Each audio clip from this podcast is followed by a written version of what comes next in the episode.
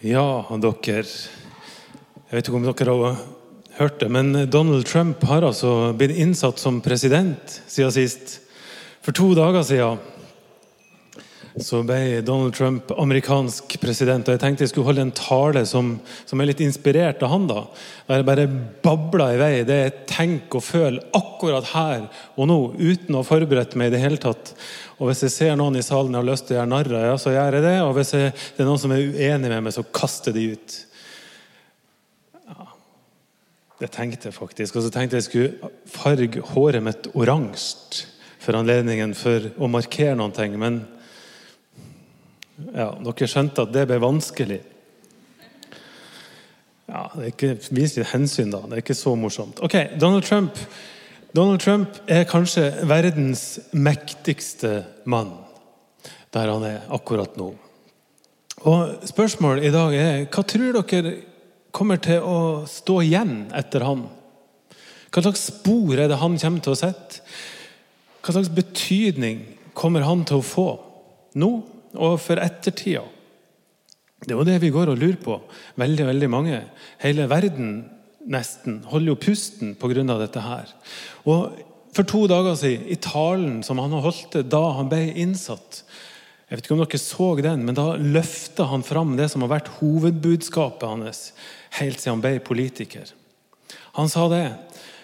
Eller i stedet for å liksom bruke anledningen til å samle verden, samle folket, det er gjerne det man gjør i sånne innsettelsestaler, så sendte han en knyttneve av gårde. Og så sa han det. Nå er det slutt. Nå er det slutt på å tenke på noen andre enn oss sjøl. Nå er det slutt på å bruke penger utafor USA. Det er slutt på å involvere seg i andre sine konflikter og bruke ressurser der. Vi skal bruke disse ressursene her hjemme. Vi skal stenge grensene våre, vi skal bygge denne muren, sånn at ingen kommer og tar våre jobber. Vi skal sørge for våre interesser. Og så avslutter han fra i dag av så skal det være USA først. Det er budskapet hans. Hovedbudskapet hans. Og det rimer jo ganske bra med det vi har sett tidligere. Trump er jo ikke akkurat kjent for å være en som tenker på absolutt alle andre først.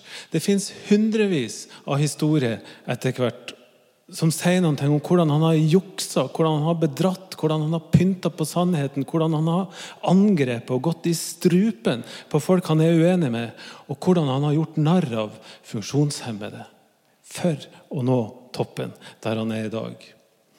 Trump har hatt store ambisjoner på egne vegne alltid. I dag er han på toppen, valgt av folk som har kjøpt budskapet hans.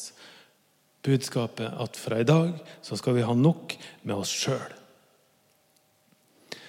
Dere skjønner sikkert at jeg ikke liker mannen. Og Det kan godt hende at dere, noen av dere andre er det. Dette er komplekst, selvfølgelig. Men de fleste liker han jo ikke her. Det er kanskje å sparke inn åpne dører. Men når han sier i talen sin at denne politikken som skiller mellom oss og de, det er det han gjør. Denne politikken skal ikke bare bli beskytta av flinke politikere, men de skal også bli beskytta av flinke kvinner og menn i militæret. Ja, de skal bli beskytta først og fremst av Gud sjøl. Det sa han. Akkurat det sa han. Og når jeg nå har en mikrofon så nært truten, så må jeg altså bare benytte sjansen til å si nei. Det er ikke sant. Gud beskytter ingenting som strider så grunnleggende mot hvem Gud er. Det strider mot Guds natur å være egoistisk. Det strider mot Guds natur å trakke på de som er fattige, og de som ligger nede. Det strid mot Guds natur å sende knyttnever i høyre retning og i venstre retning. Det strid mot Guds natur å splitte folk. Gud beskytter ikke de greiene der. Det nekter jeg å tro. Men mange kristne har gått med på den bløffen der. Og Spørsmålet i dag er altså hvor stor påvirkningskraft har denne mannen egentlig? Hva slags betydning vil han få nå? De neste fire årene, åtte årene? Hva slags betydning får han for ettertida? Hva slags spor vil han sette etter seg? Og i hvor stor grad vil han prege verden? Det er ganske store, vanskelige spørsmål. Tida vil vise. Det er en annen mann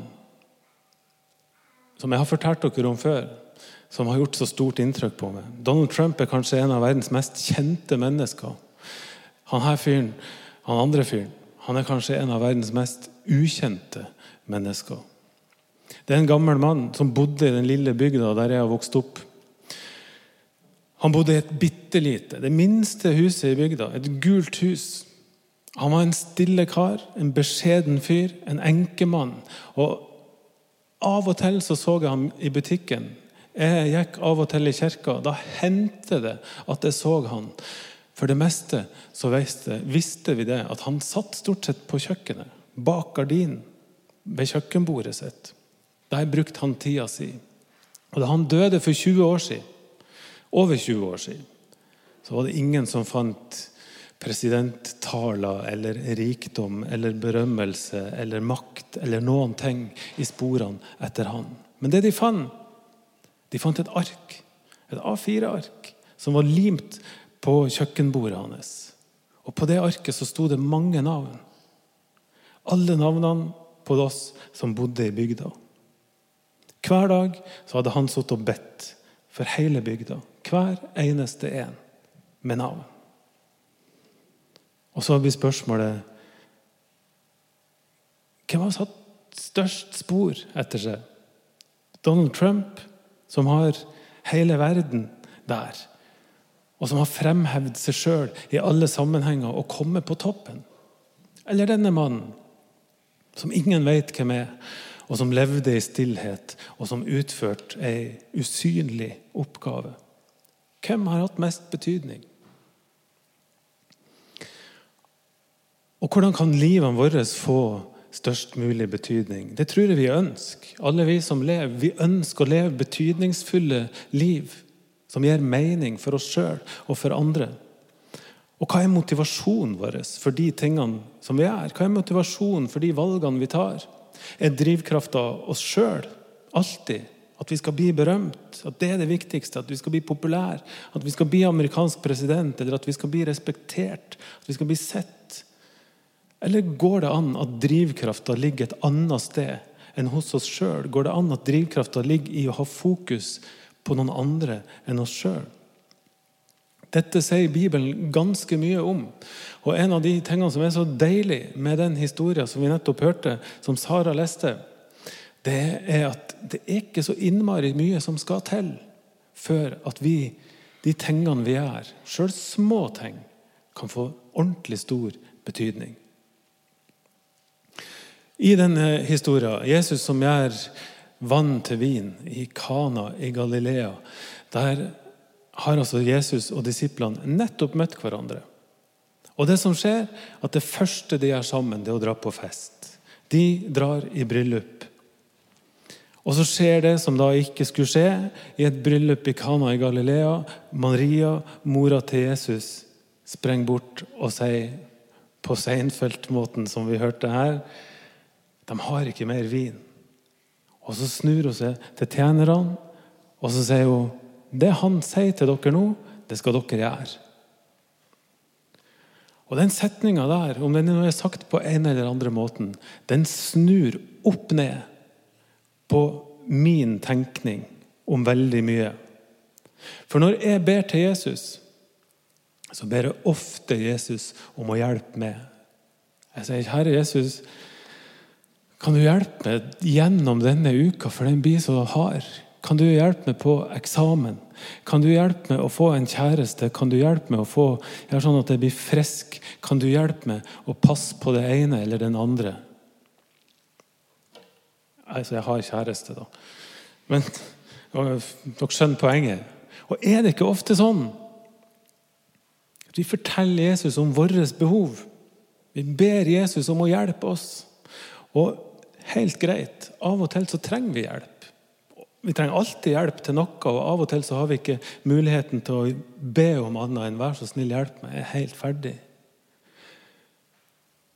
Og Jesus vil ha sånne bønner. Det er helt greit. Jesus hører de, og Jesus svarer sånne bønner også.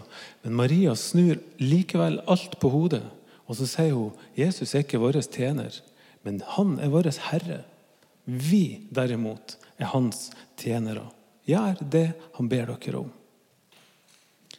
Og Jeg vet ikke om det høres litt strengt ut, og det høres ut som litt sånn ah, Det er litt strevete, det her. Det høres ut som et strev å tjene. Men hva var det Jesus ba tjenerne om å gjøre? Han krevde jo ikke at disse stakkars folkene skulle gjøre noe under. Han kommanderte dem jo ikke og sa at nå må dere få opp farta her og få laga noe vin av dette vannet her. Han sa jo ikke det. Han stilte ingen urimelige krav. Men i denne situasjonen, som sikkert er ganske oppheta, så sier han helt stillferdig så ber han dem om å gjøre en ting som han visste at alle kunne klare. Bær vann. Og På plassen der så er det altså seks vannkar av stein. Store vannkar. Og tjenerne fylte karene helt til randa med vann. 600-700 liter. Et halvt vinmonopol omtrent oppi der. Bøtte etter bøtte, fram og tilbake fra brønnen. En skikkelig jobb. Det kan godt hende de ble sliten, det kan godt hende de ble svett. Men sliten og våt, så gikk de til toastmasteren og lot han smake. Og toastmasteren han skjønte ikke hva som hadde skjedd. Det står det. Han visste ikke hva som hadde skjedd, men det står at han ble fornøyd. Han ble ordentlig fornøyd med det resultatet og med det han har smakte. Og så ga han brudgommen skryt for å ha spart den beste vinen til slutt. Og Jeg ser for meg en lykkelig toastmaster som ramla hjem på mandagsmorgenen eller søndagsmorgenen. I hvert fall så avsluttes historien med to små men viktige opplysninger. Gjennom det som hadde skjedd, åpenbarte Jesus sin herlighet. Akkurat det står det. Jesus åpenbarte sin herlighet gjennom det som hadde skjedd. Og så står det disiplene trodde på ham. Og For meg så er det tre ting som står litt ut i denne historien her. Og Det første som for meg står ut, det er at Jesus bruker mennesker. Jesus ønsker å bruke mennesker. Han, jeg vet ikke om dere har tenkt på det, men han kunne da helt sikkert ha klart å fylle disse vannkarene med vin på egen hånd. En gang i tida så sa Gud 'bli lys', og det ble lys. Tenk så enkelt det hadde vært for Jesus å sagt 'bli vin', og det ble vin. Det måtte vært lett. Men så gjør han ikke det. Han gjorde ikke det. Jesus bruker mennesker. Og hvorfor gjør han det? Hvorfor bruker Jesus mennesker? Det høres så tungvint ut. Jeg vet ikke hva dere tror, men jeg tror at Jesus bruker mennesker fordi at når vi tjener Jesus, så ser vi hvem han er. Det var de som bar vann, som så at det hadde skjedd noe her. Det var de som begynte å tro. De som var med å spre velsignelsen til de andre. Det var dem som fikk se, som skjønte hva det innebar at Jesus åpenbarte sin herlighet. Det var de som så det. Toastmasteren og alle de andre. De så det ikke. De opplevde gleden som var der, som medførte at Gud var nær. Glede som er en av åndens frukter, og et tegn på at Jesus er i nærheten. Når det er glede, så er det sånn. Og Det fant de ut. Det, det opplevde de. Men de skjønte ikke hvor det kom ifra. Men de som bar vann, de skjønte det. Disiplene skjønte det. Gud bruker mennesker for å dele den gleden det er å spre en velsignelse til andre. Men først og fremst for at de som tjener, skal se at Jesus er Gud. Det er den første tingen som står ut. Jesus bruker mennesker. Den andre tingen som står ut, det er at når Jesus bruker mennesker, så ber han oss aldri om å gjøre noe som vi ikke kan. Han ber oss aldri om å prøve på noe som er utafor rekkevidda. Han ber oss om å gjøre noe som vi får til. Og Resten det får være hans ansvar. Det resten det må han ta seg av. Vi kan ikke gjøre Guds rike synlig, men Jesus kan gjøre Guds rike synlig gjennom oss. Og Denne historien sier at Jesus kan bruke en så enkel ting som det å bære vann til å gjøre Guds rike synlig.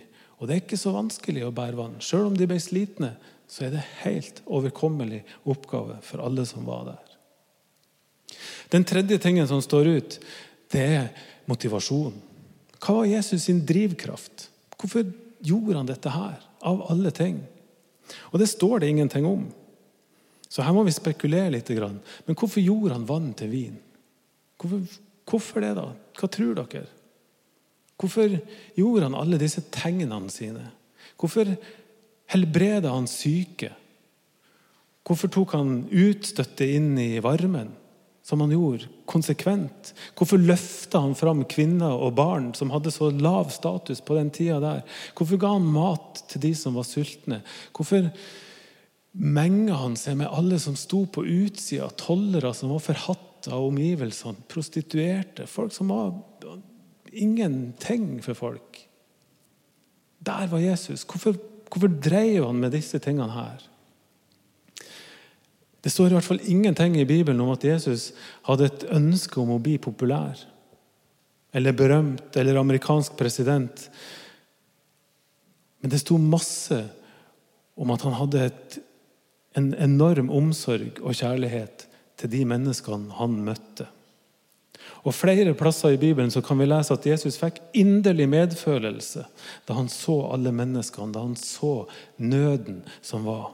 Og Jeg tror han fikk inderlig medfølelse da han så hva slags skandale det var som var skjedd på denne festen, når, var, når eh, festen er tom for vin. Det skulle ikke skje. Det var skamfullt for en bryllupsarrangør. Og Jesus berga den som var ansvarlig. Drivkraften til Jesus alltid var kjærligheten til alle som han møtte. Og jeg tenker at det å være kristen, det å tjene Jesus, det skal ikke være et strev. Da er det et eller annet feil der. Det kan godt hende at vi blir sliten, som sagt. Det kan godt hende at vi må jobbe. Men det skal ikke være et uoppnåelig strev. Men det må være noe der motivasjon hentes i kjærlighet til andre mennesker. Der vi henter drivkrafta vår i en genuin kjærlighet til Gud.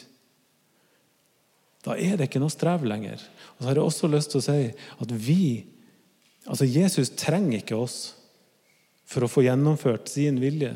Det er vi som trenger Jesus. Men han ber oss aldri om å utføre mirakler når han ønsker å bruke oss. Det er ingen av oss, sorry, som klarer å helbrede syke. Men det vi kan gjøre, det er jo å be for syke. Alle kristne kan på en eller annen måte be for de som er syke. Og det å bære vann, så får det være opp til Jesus om han vil lage vann. Nei, om han vil lage vin. Av den måten vi har båret vann på. Det er ingen av oss som kan overtale noen andre til å begynne å tro. Sjøl om vi bruker hele livet vårt på, som misjonærer. Men det alle kristne kan, det er jo å fortelle om sin tro. Fortelle det vi tror på. Fortelle det vi har sett.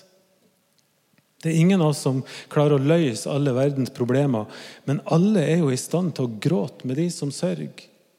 Til å glede seg med andre som er glad. Det kan vi klare. Det er ikke så vanskelig. I Norge er det sånn at de fleste kan gi mat til de som er sultne. Ta fremmede inn i varmen. Still opp med praktisk hjelp. Bruk tid med folk som er alene. Lytt når noen har det vanskelig.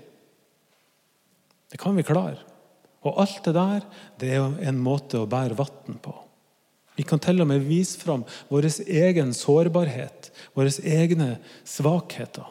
Og ta imot hjelp fra andre. Kanskje det er det som skal til. Kanskje Jesus kan bruke våre svakheter og vår sårbarhet til å vise fram hvem han er. Og dette er jo ikke et strev. Så lenge vi lar oss berøre andre mennesker, så lenge vi lar oss berøre av en Gud som elsker oss. Det er ikke et strev. Og husk dette vi må ikke reise verden rundt for å være misjonærer eller for å tjene Gud. Det er noen som kalt, er blitt kalt helt konkret til sånne ting. Men vi er jo først og fremst kalt til å være der vi allerede er. Hjemme. Sammen med mamma og pappa, sammen med søsknene våre, sammen med kjæresten vår, sammen med ungene våre. Familien vår, vennene våre. I klasserommet der vi studerer. På kontoret der vi jobber. I bandet dere spiller i. På fotballaget. På Karl Johan når dere labber på vei til kinoen eller noe annet. Der er vi kalt til å løfte blikket og til å se andre mennesker, de menneskene som er rundt oss, med Jesus sine øyne. Med omsorg og med kjærlighet og med inderlig medfølelse hvis det er noen som har det vanskelig. Og Hvis vi tenker så enkelt om hva det er å tjene Jesus, så er det ikke så strevsomt. Tvert imot. Det er en berikelse i livet. Det er masse glede i å få lov til å spre Guds velsignelse til hverandre. Det er til og med en glede som var til evig tid. Til slutt hvem har gjort, levd, eller hvem har mest betydning av de to? Donald Trump eller den gamle mannen? Hvem har satt spor etter seg som var, kommer til å vare lengst? Donald Trump, som har makt og er på topp, som har brukt så mye kraft og energi på sin egen vei? Eller den gamle mannen som bare var stille og gjorde noe helt annet, som ingen kunne se?